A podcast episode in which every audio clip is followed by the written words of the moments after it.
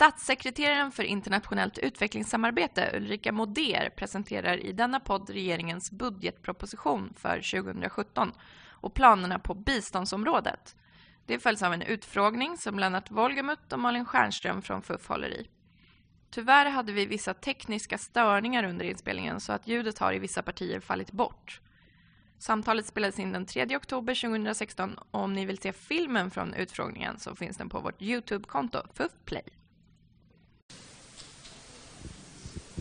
God eftermiddag och eh, välkomna till detta möte. Mitt namn är Rolf Karlman. Jag är ordförande för Föreningen för utvecklingsfrågor, FUF, som tillsammans med Utrikesdepartementet anordnar den här träffen. Det har blivit lite grann av en tradition nu att vi varje år, eh, kort efter att biståndsproppen presenteras ordnar ett sånt här tillfälle att få en presentation av den från någon från politiska ledningen och samtidigt ställa en del frågor. Och eh, beroende på kalender och annat så har det varit ibland biståndsministern och ibland statssekreteraren för biståndsfrågor. Och i år så har vi glädjen att se Ulrika Moder här som är då statssekreterare för internationellt utvecklingssamarbete och klimat kanske det heter. Eva Svedling som är ansvarig för klimat. Hörs jag nu? Ja, nu hörs jag. Ja. Jag sa att jag är ansvarig för utvecklingssamarbetet och jag har en kollega som heter Eva Svedling som är ansvarig statssekreterare för klimat. Ja, det är stort nog ändå. Ja. ja. Och eh, eh så eh, har vi här två representanter från FUF för att ställa en del frågor och med tiden kommer också eh, ni från publiken få ett sådant tillfälle. Eh, då har vi från FUFs styrelse Lennart Wolgemut som eh, eh, numera också är gästprofessor vid Göteborgs universitet för i Afrikakunskap med särskild inriktning på europeiskt och svenskt bistånd, tror jag det heter. Och eh, tidigare direktör för bland annat eh, Nordiska Afrikainstitutet och ledande befattningar på Sida.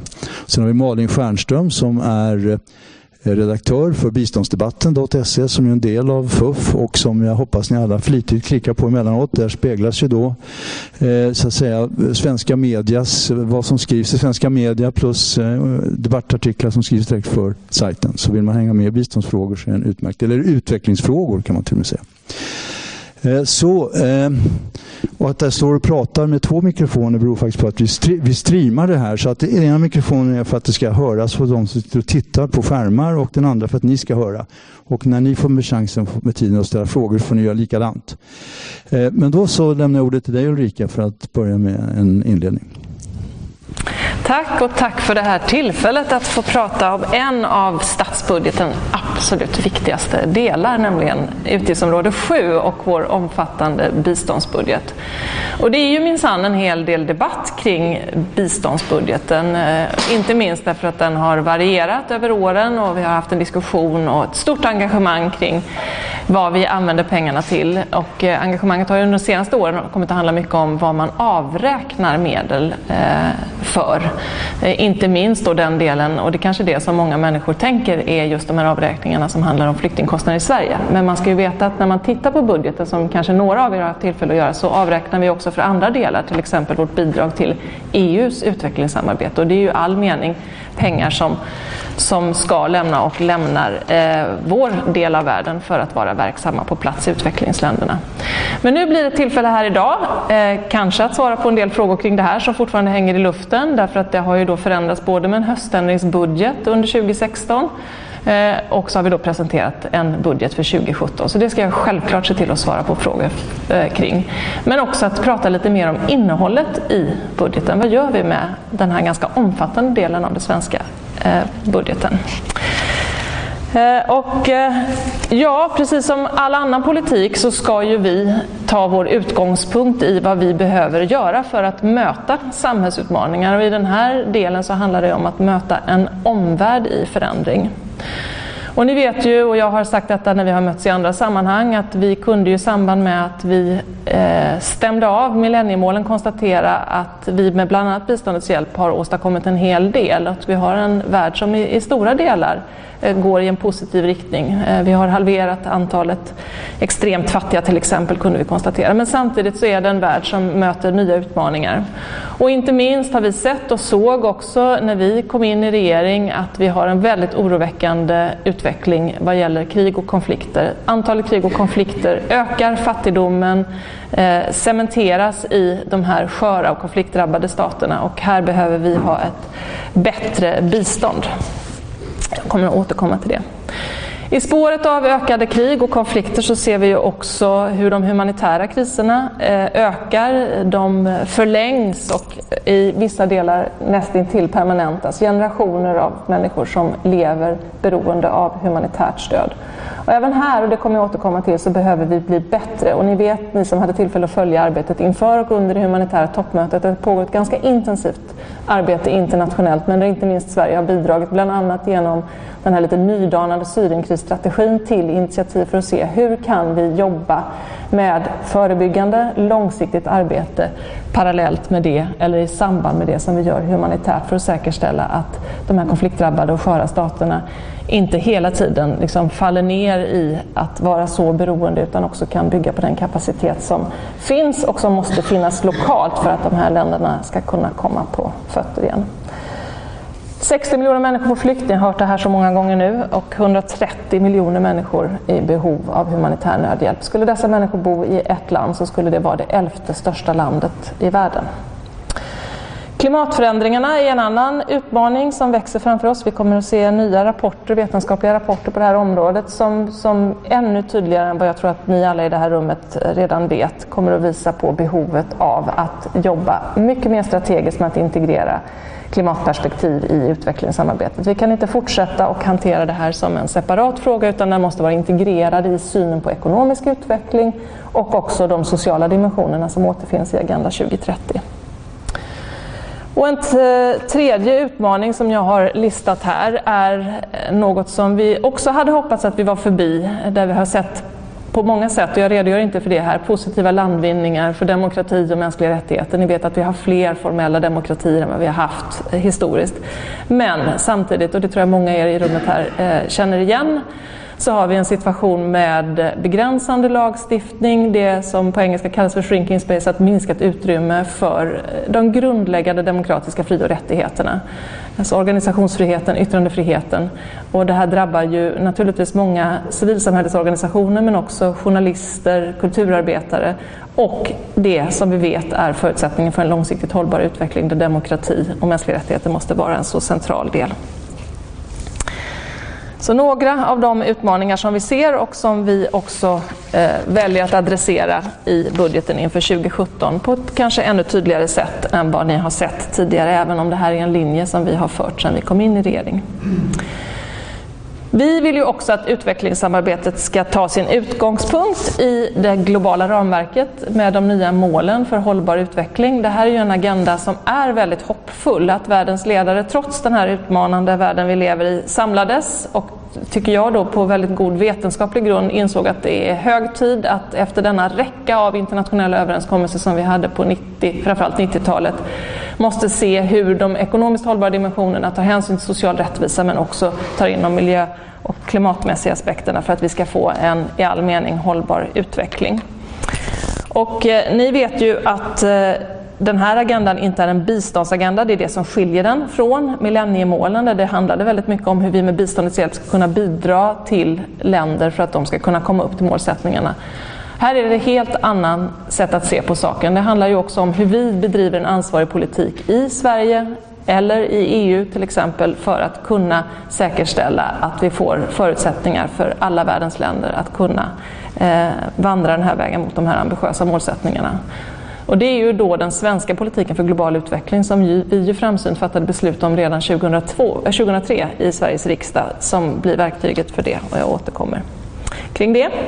Till den här agendan för hållbar utveckling så finns det också en finansieringsagenda och den är väldigt tydlig med det som jag just sa, nämligen att det här kan inte biståndet ensamt leverera på utan det handlar om att identifiera och få andra resursflöden i världen att leverera på den här agendan.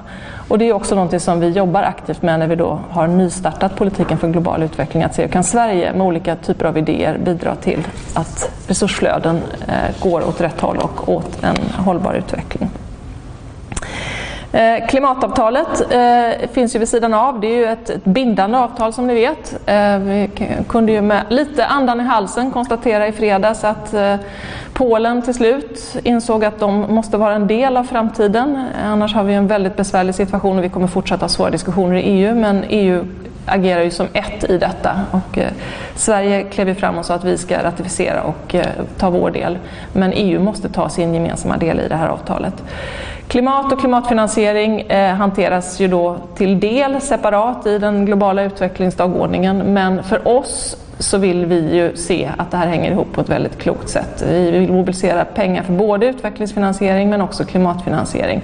Men naturligtvis vill vi att utvecklingsfinansieringen ska vara klimatsmart. På samma sätt, jag satt och pratade med några internationella kollegor här på förmiddagen, så vill vi att klimatfinansieringen ska ha tydliga utvecklingsdimensioner. Det ska också byggas på fattiga människors syn på utveckling, på ett rättighetsperspektiv och inte till exempel minst på jämställdhetsfrågor som vi har varit bra på. Det här är inte eh, någon separat rörelse utan det måste ses tillsammans som ett. Så att de här delarna finns ju också väldigt tydligt reflekterade i biståndsbudgeten så som vi har skrivit fram den, eh, om ni har haft tillfälle att läsa den.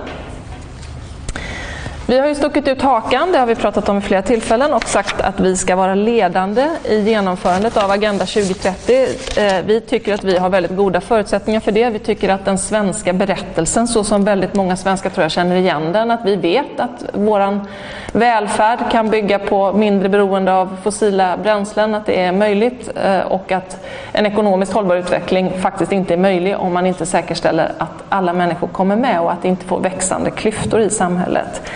Och sen har vi ju som jag sa också det här väldigt goda exemplet med att vi redan 2003 insåg att vi måste ha en samstämmig politik i hela regeringskansliet. Vi måste gå igenom alla delar av vår politik för att säkerställa att vi har en politik för eh, global utveckling. Och allt det här gör ju att vi eh, har goda förutsättningar, tycker vi, att eh, ta ett internationellt ledarskap och visa att vi kan genomföra det här i Sverige, i våra diskussioner i EU, men också tillsammans med andra länder. Och Stefan Löfven har ju som statsminister tagit ett initiativ där han tillsammans med åtta andra eh, internationella ledare just ska visa på med olika exempel på hur man kan genomföra den här agendan och eh, eh ja, över de här åren som vi har framför oss kunna just eh, vara goda företrädare för genomförandet. För nu är det, gäller det verkligen att gå från ord till handling. Ehm, och OECD har också utsett Sverige till att vara ett av de länder, eller det land faktiskt, som har allra bäst förutsättningar. Så att här har vi utmanat oss själva och vi blir utmanade och ni kommer säkert också följa oss i det här arbetet och se hur vi levererar. Jag vet att eh, en av civilsamhällesplattformarna som säkert är närvarande här, Peter sitter där, Concord, har eh, i kontakt med civilsamhällesplattformar i de andra åtta länderna börjat med skuggrapporteringar för att se hur vi levererar på det här. Så att vi har folk som knuffar oss i rätt riktning och det är vi glada för. Vi vill ju nämligen att hela regeringen ska vara engagerad i det här. Och jag måste säga att jag tycker att det finns ett enormt momentum. Därför att vi ser att det finns kanske också för att den här världen är så orolig. Och vi som är engagerade i de här frågorna vill vända utmaningar till lösningar. Så finns det ett stort engagemang i regeringen kan jag säga. Men också tycker jag ute i det vida samhället. Både hos civilsamhällesorganisationer, vi har internationella lärardagen här i veckan då vi kommer att jobba med det här ute i eh, svenska skolor men det finns också stort intresse hos akademi, i näringsliv och hos en bredd av aktörer. Så jag tror att samlar vi oss på ett bra sätt så kommer vi kunna få bra fart i det här arbetet.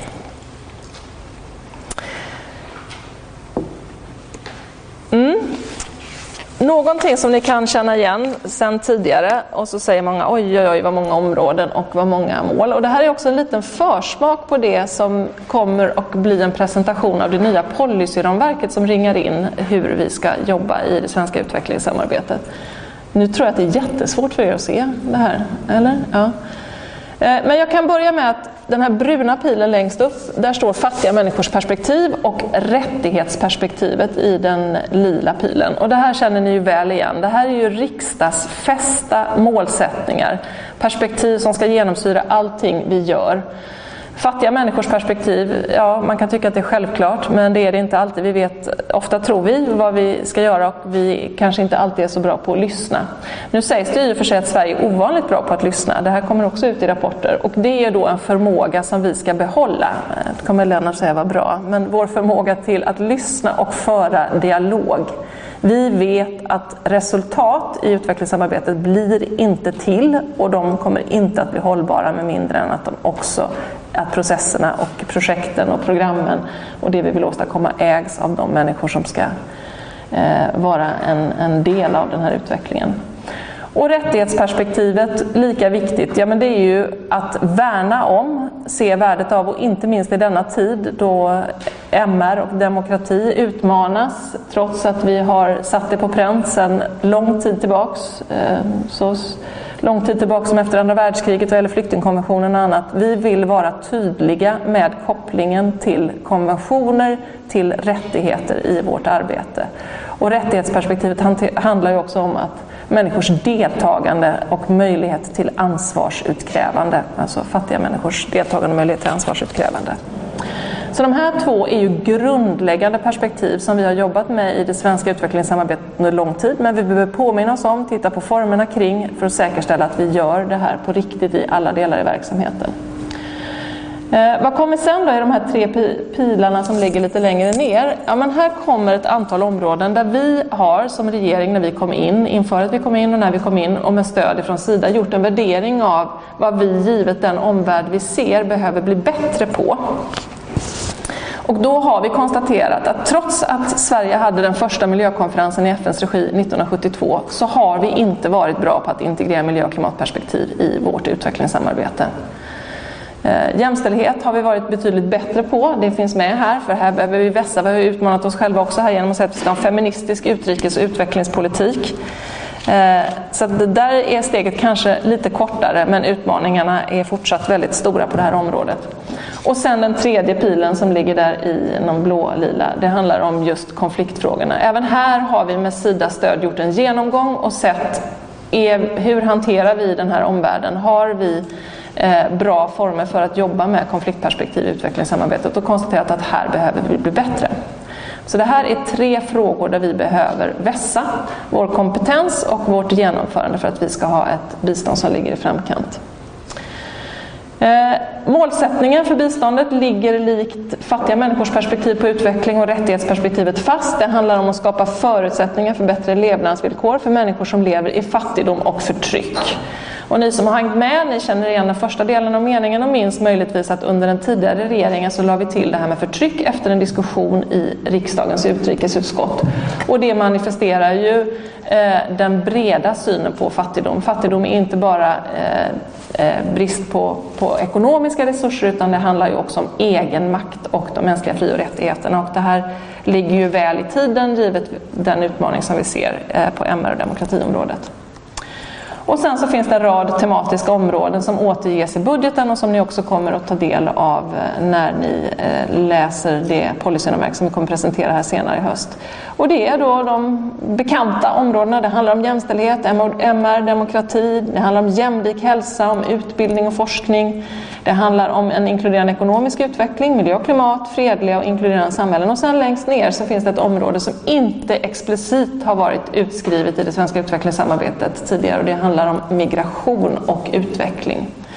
I den här tiden med så många människor på flykt och så många människor i rörelse, för det handlar ju både om flyktingar och migranter, så behöver vi tänka till och eh, verkligen se efter hur kan vi med all den erfarenhet som finns, och här har ju Sverige under lång tid, jag tänkte på det nu när Eh, tidigare bistånds och migrationsministern Jan Karlsson gick bort. Eh, han jobbade just med de här frågorna kring migration och utveckling. Alltså hur kan vi stimulera de positiva sidorna eh, av migration som ju är kompetens och kapacitetshöjande och resurs för världen och samtidigt då minimera det som är baksidan för, kring det som kommer med människor som tvingas på flykt.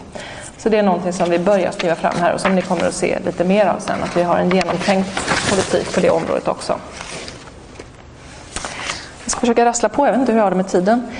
Eh, biståndsramen då, ja, som sagt det är, lite så, det är lite illustrativt. Det känns som en, jag brukar säga att vi åker i en hiss på UD när vi planerar det här, för det går lite upp och ner. Men eh, till slut nu så landade vi inför 2017 eh, på en ram som ökar med 2,8 miljarder, lite knappt jämfört med eh, budgeten som presenterades för 2016 och totalt är det 46,1 miljarder, alltså en omfattande del av vår statsbudget. Och ökningen beror då till del på den ökade BNI-uppräkningen, 2,2 miljarder. Och sen tillför den här regeringen också extra medel, eh, 500 miljoner kronor. Och de kommer ifrån de satsningar som, extra satsningar som vi har velat göra på klimatfinansiering. Eh, ni minns att vi har ett åtagande med oss från Köpenhamnskonferensen. Den tidigare regeringen eh, baxade fram det och eh, inför Paris så har det här varit helt avgörande att kunna leverera på eh, klimatfinansieringsåtagande. Eh, det har också hänt så, under, det är möjligt att ni redan känner till det, under den här mandatperioden att när vi kom in i regeringen så gjorde EU ett nytt beräkningssystem för BNI. Det är ett tekniskt beräkningssystem eh, som ju inte har gjort att våran eh, BNI har vuxit men i ett slag så förvandlades 1% till 0,96% och för att nu komma ikapp så har vi en överenskommelse i regeringen att vi ska upp till 1% enligt den här nya beräkningsmodellen eh, under den här mandatperioden. Så det tillför ju biståndsbudgeten då eh, pengar som inte hade kommit om det inte var för att EU eh, ändrade sin beräkningsmodell. Eh, och i budgeten för 2017 så är vi nu uppe på 0,99 procent. Så att nu börjar vi närma oss så att vi med gott samvete, även om som sagt var pengarna var de samma, kan säga att vi lever upp till enprocentsmålet. Eh, Ja, um, ska vi se.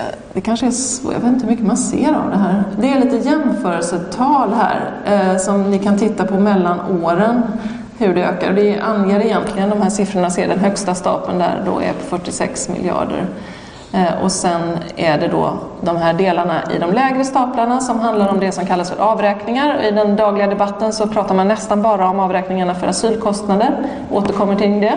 Men som jag sa inledningsvis, det är viktigt att se att avräkning görs också för det bistånd som vi bedriver genom EU och för förvaltningskostnader för att vi ska kunna ha hög kvalitet på biståndet. Jag tror inte jag går igenom det mer detaljerat än så.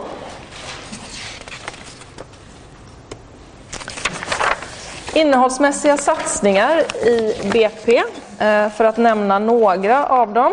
Eh, vi eh, bygger ihop vårt engagemang inom biståndet kring konfliktförebyggande arbete, eh, det ledarskap som vi har haft genom Isabella Lövins eh, ordförandeskap i den internationella dialogen för freds och statsbyggande. Alltså hur bedriver vi bra bistånd i sköra konfliktdrabbade stater men hur säkerställer vi också att eh, ehm, att inte alla biståndspengar, eller stor del av biståndspengarna, följer med de länder som graduerar. Det har varit så, om man tittar på det globala biståndet under de senaste åren, att biståndet följer med de länderna som blir då lägre medelinkomstländer eh, och eh, finns inte där de då behövs som allra bäst. Så att vi eh, kommer att fortsätta det engagemanget, säkerställa att eh, eh, det vi har en fortsatt stor andel av vårt bistånd till de länder som behöver det allra mest, men att vi också metodmässigt jobbar på ett klokt och bra sätt kring det här.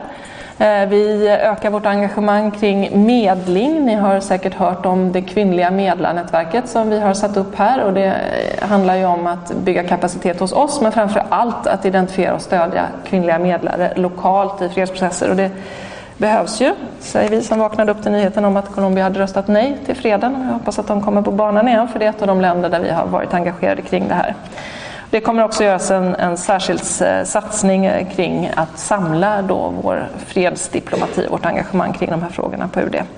Vi kommer också, det står i budgeten, ta fram en uppdaterad strategi för det tematiska arbete som vi gör kring fredliga och inkluderande samhällen som också kopplar till vårt engagemang för mål 16 i den globala agendan. Eh, humanitärt bistånd det är ju en av de delarna i budgeten som vi jämte vårt stöd till Mellanöstern och också stödet till enskilda organisationer har eh, säkerställt även under den tid då det gjordes planerade neddragningar. Eh, vi eh, tycker att det är helt självklart att vi måste vara en ledande aktör. Vi är nu en av världens sjätte största humanitära eh, givare. Eh, men vi vill också säkerställa kvaliteten i det humanitära biståndet. Jag tror alla ni som sitter i det här rummet vet att vi kommer inte fixa den här världen enbart med humanitärt bistånd utan det handlar just om att hitta en bra matchning med förebyggande och långsiktigt utvecklingssamarbete. Däremot så ser vi en möjlighet att vara Eh, fortsatt aktiva i att säkerställa givarsamordning, koordinering, att jobba bra med lokala organisationer, alltså att öka kvaliteten i genomförandet av det humanitära biståndet. Det är väldigt mycket pengar som går den vägen. Ungefär hälften av appellerna är täckta och vi behöver bli mycket bättre på det vi gör inom ramen för det humanitära biståndet. Eh, väldigt många eh, skickar ju sina pengar dit nu men då måste vi också säkerställa att det blir bra.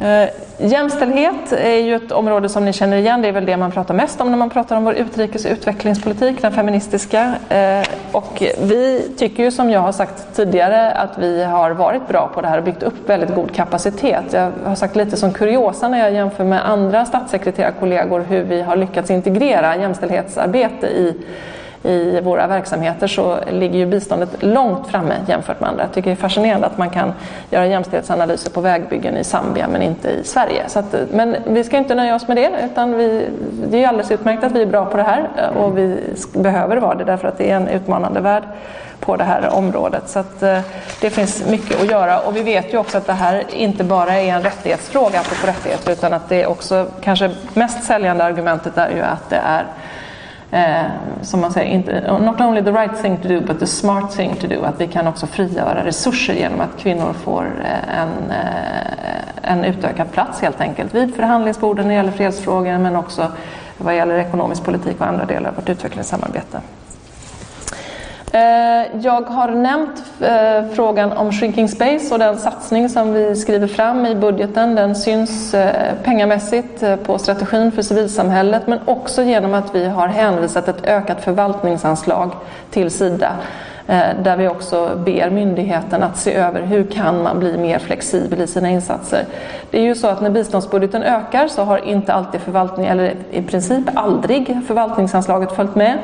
Och det har ju gjort att ni som har följt biståndet över längre tid kan se att andelen som går via de stora multilaterala organisationerna har ökat jämfört med då kanske det man upplever som Sveriges egen, eget bistånd, egenvärde. Eh, och här vill vi i den här utmanande tiden säkerställa så att Sverige inte bara blir den här goda, stora givaren utan att vi också blir den goda, smarta givaren, att vi kan vara en aktör och att vi ger eh, både Sida men också andra aktörer förutsättningar att, att vara det på ett annat sätt. Vi tror att vi har det förtroendet internationellt i många av våra samarbetsländer att vi kan ta en del av de här svåra diskussionerna och svåra frågorna. Eh, det har jag fått kvitto på många gånger när jag har varit ute att det fortsatt finns ett sådant förtroende för Sverige och då ska vi självklart utnyttja det till exempel när det gäller sådana här svåra saker som demokrati och MR. Och sen för att ta ytterligare några exempel då på satsningar, vi har lyft ut några delar här, eh, så kommer vi, apropå utmanande tider, att eh, skriva fram en ny strategi för utvecklingssamarbetet med Irak. Förra regeringen valde att avsluta det, det var en annan tid eh, och tyvärr får vi väl säga så har vi förlängt den utfasningen och konstaterar nu att vi behöver ha en mer långsiktig strategi jämte det humanitära biståndet till Irak. Och sen förstås utvecklingen av Syrienkrisstrategin. Vår förhoppning var ju att den skulle bilda en plattform för det som förhoppningsvis då en gång kommer att bli återuppbyggnaden i Syrien och grannländer. Ni vet att det handlar om att kunna genomföra insatser på plats. Man stödjer lokala aktörer och kapacitet trots att man befinner sig i brinnande krig. Eh, men det här är något som vi kommer att eh, jobba med fortsatt och eh, också jämte andra stora multilaterala stöd via banker och andra i regionen se hur vi kan säkerställa att det inte mer rasar än vad som är nödvändigt utan att vi kan faktiskt finnas på plats och stödja de strukturer som finns trots att kriget brinner. Mm. Jaha, nu kom alla de här som, ja titta vad fint, här var det ju utskrivet men nu har jag redan pratat om det. Och så fort gick det på slutet. Ja. Tack Ulrika. Ja.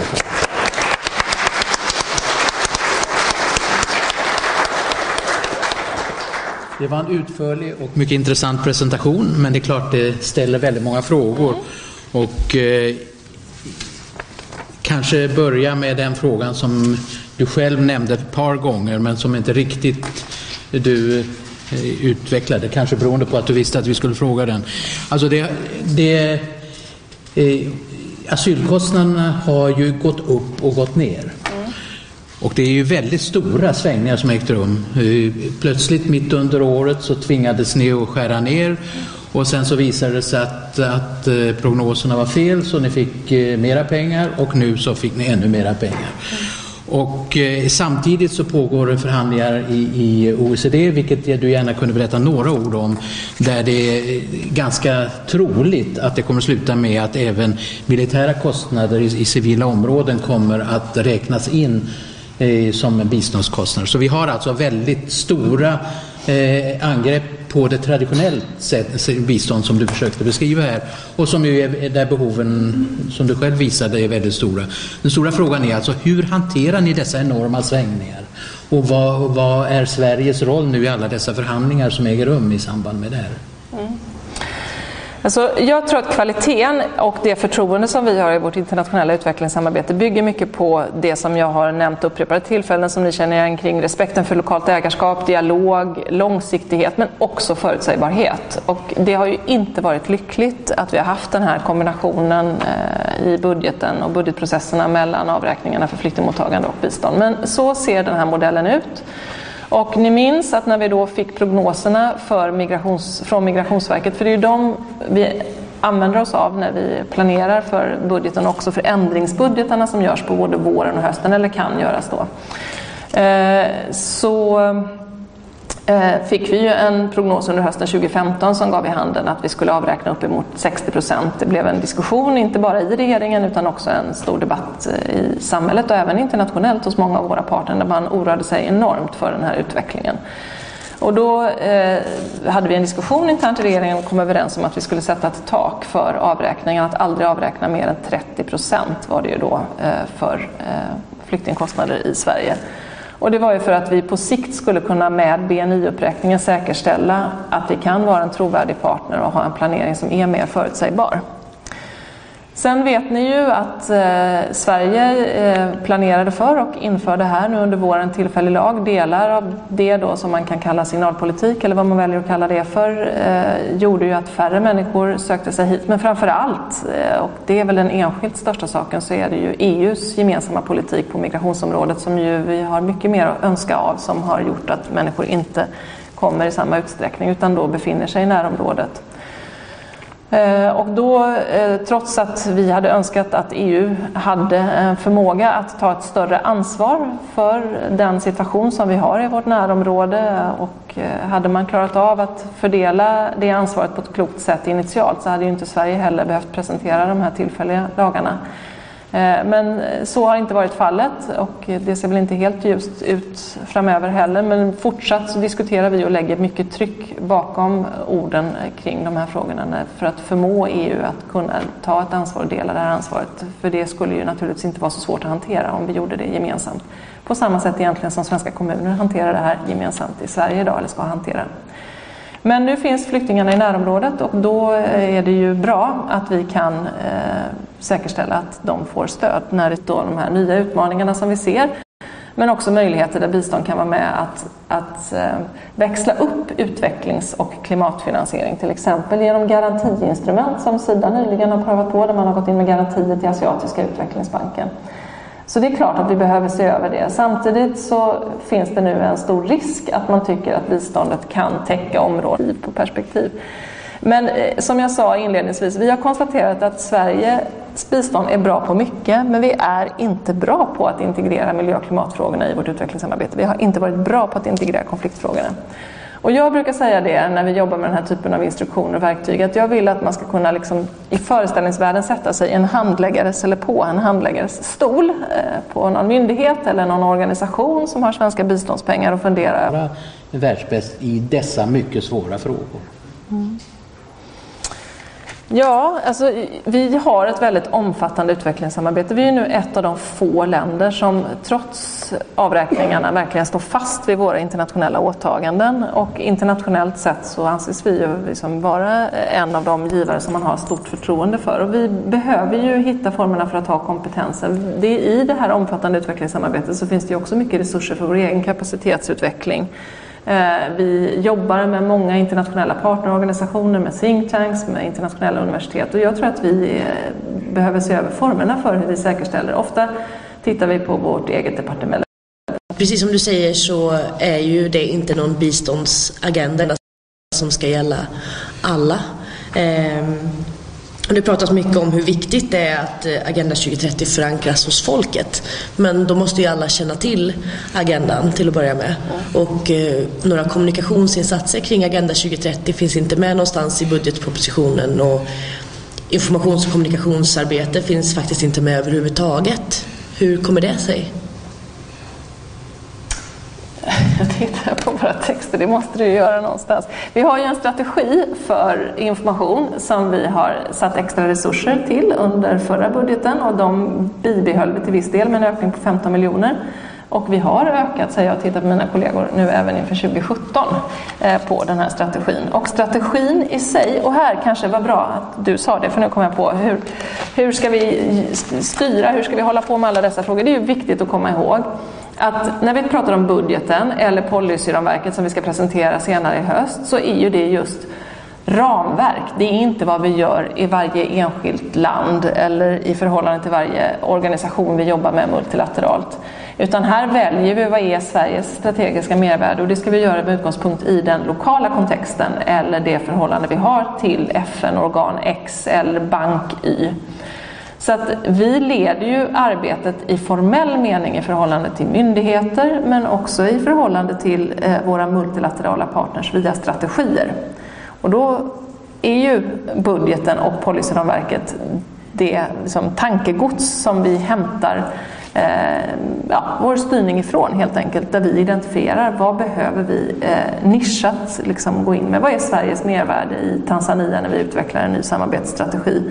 Och det beror ju på hur Tanzania självt ser på sin utvecklingsplan men också hur dialogen går med andra givare och partners. Så att vi gör ju inte allt i alla delar av biståndet utan det här är ju just ramverk som vi kallar för policyramverket för, eller budgeten då är också en, en ram för vårt totala arbete. Mm. Inte om vi har svar, vi kan hitta någon som har hittat Kanske svar bara förtydliga ytterligare frågan för att eh, vi vet ju Eh, då vi också ökade Sidas anslag för information och kommunikationsinsatser med nästan 30 procent, särskilt riktat mot, mot just breda svenska aktörer. Kommuner, kulturaktörer, eh, civilsamhällesorganisationer och så vidare. Ehm, den satsningen ligger kvar i budgetpropositionen för 2017 i samma nivå som regeringen skrev fram den i budgetpropositionen för 2016. Och eh, har sedan också omsatts i den nya strategin för information och kommunikationsverksamhet. Så därför såg vi liksom ingen anledning att skriva fram det i... Statssekreterare har beskrivit Sveriges tydliga ambition, ambition när det gäller att stärka konfliktperspektivet och fred och säkerhet. Att hur syns det i budgeten, i budgetförslaget?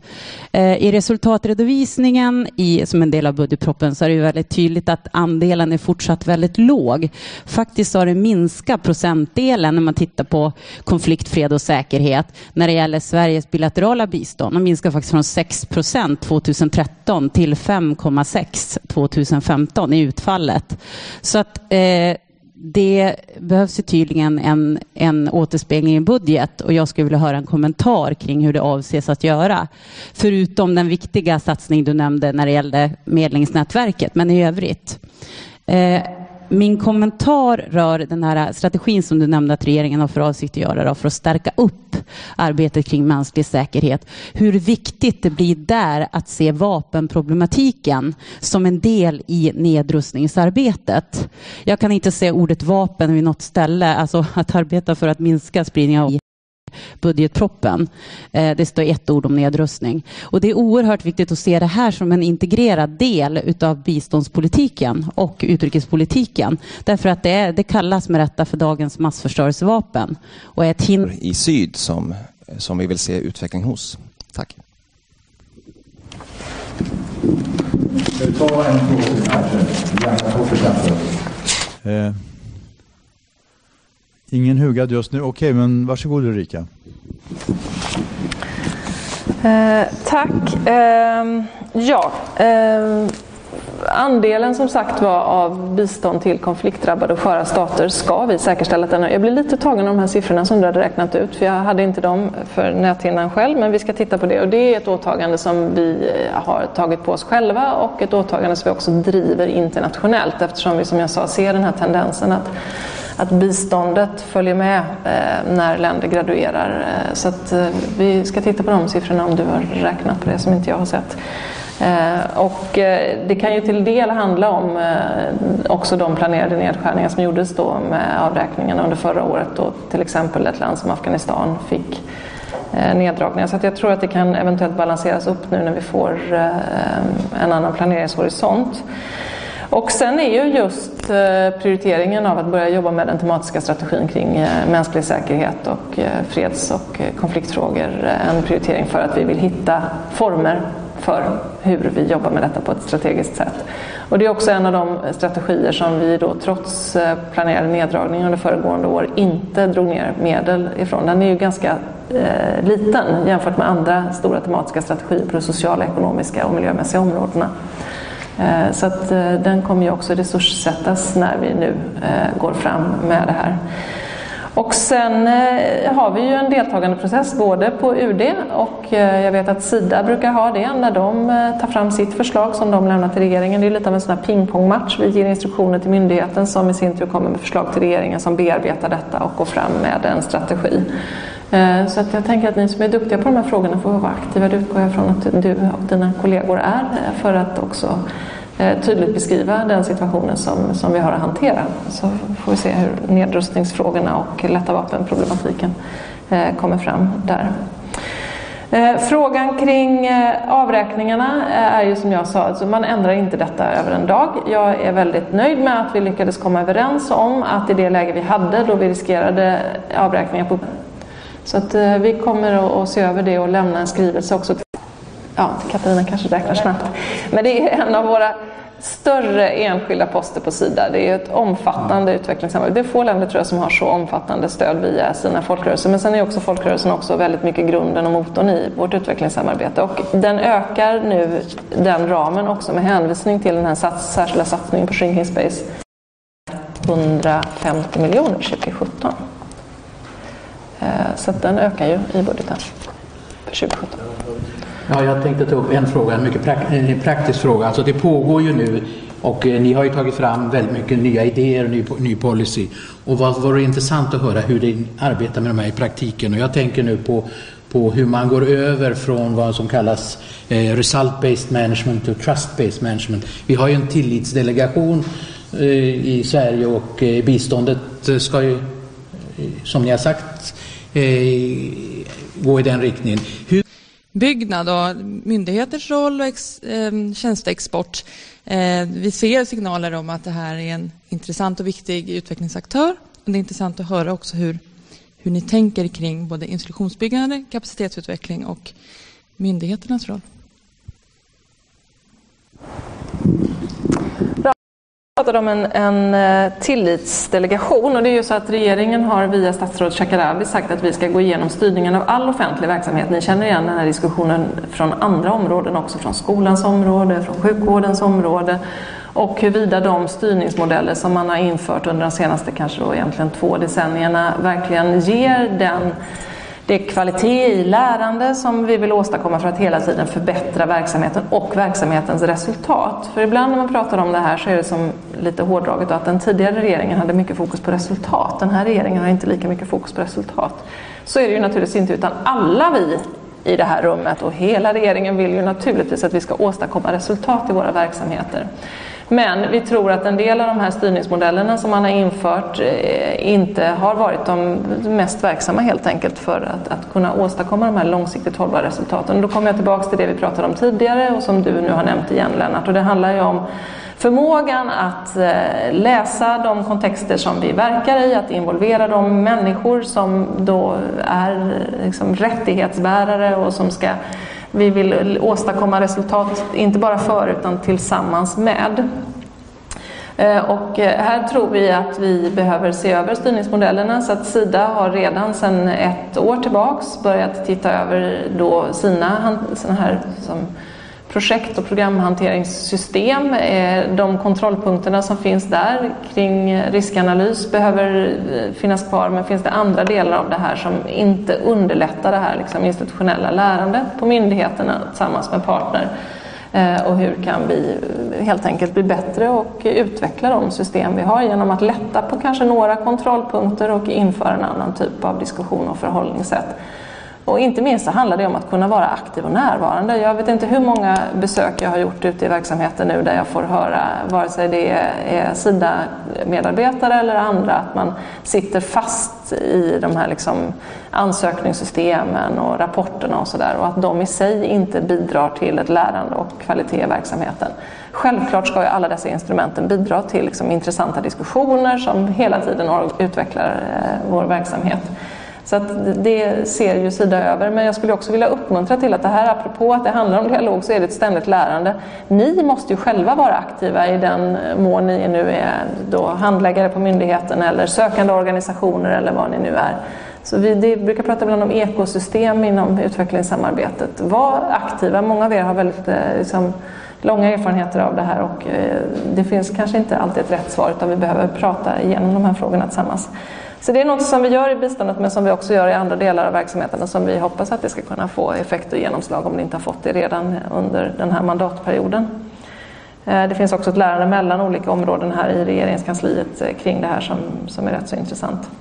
Eh, Sen eh, lärande och kapacitetsutveckling. Här lägger vi ju en annan tonvikt än vad kanske den tidigare eh, regeringen gjorde. Vi menar ju att kapacitetsutveckling är helt centralt också för områden som eh, till exempel Eh, Eh, utländska direktinvesteringar apropå att få utvecklingsflöden eh, åt rätt håll. Vi kommer inte få ansvarsfulla investeringar i utvecklingsländerna med mindre än att vi har fungerande institutioner och där eh, tycker vi att vi behöver trycka mer på kapacitetsutveckling och institutionsuppbyggnad än vad man har gjort under de senaste åtta åren.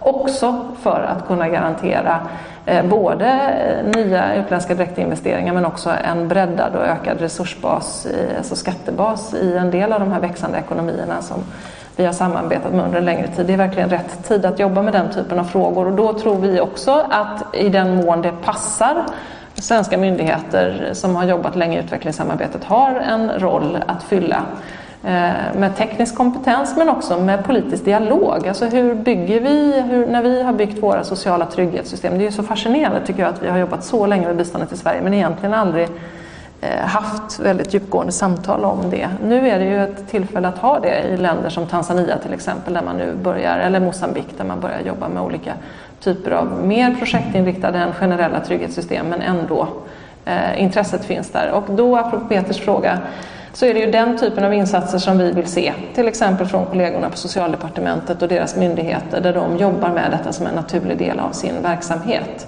Eh, och jag tycker att det finns ett intresse och en villighet att göra det. Men eh, ganska ofta när det väl kommer till kostnader så sneglar man ju på biståndsbudgeten. Men om man polar resurser, alltså kommer det offentliga Sverige Eh, eller olika typer av partnerskap och biståndet kan finnas med en del där så kan ju det vara bra, tror jag, om vi får igång mer arbete och kan dra på de kollegorna som, som jobbar eh, med det. Tack för att du lyssnat på FUF-podden. FUF är en förening som sprider information och skapar debatt om globala utvecklingsfrågor. Mer information om vår verksamhet hittar ni på www.fuf.se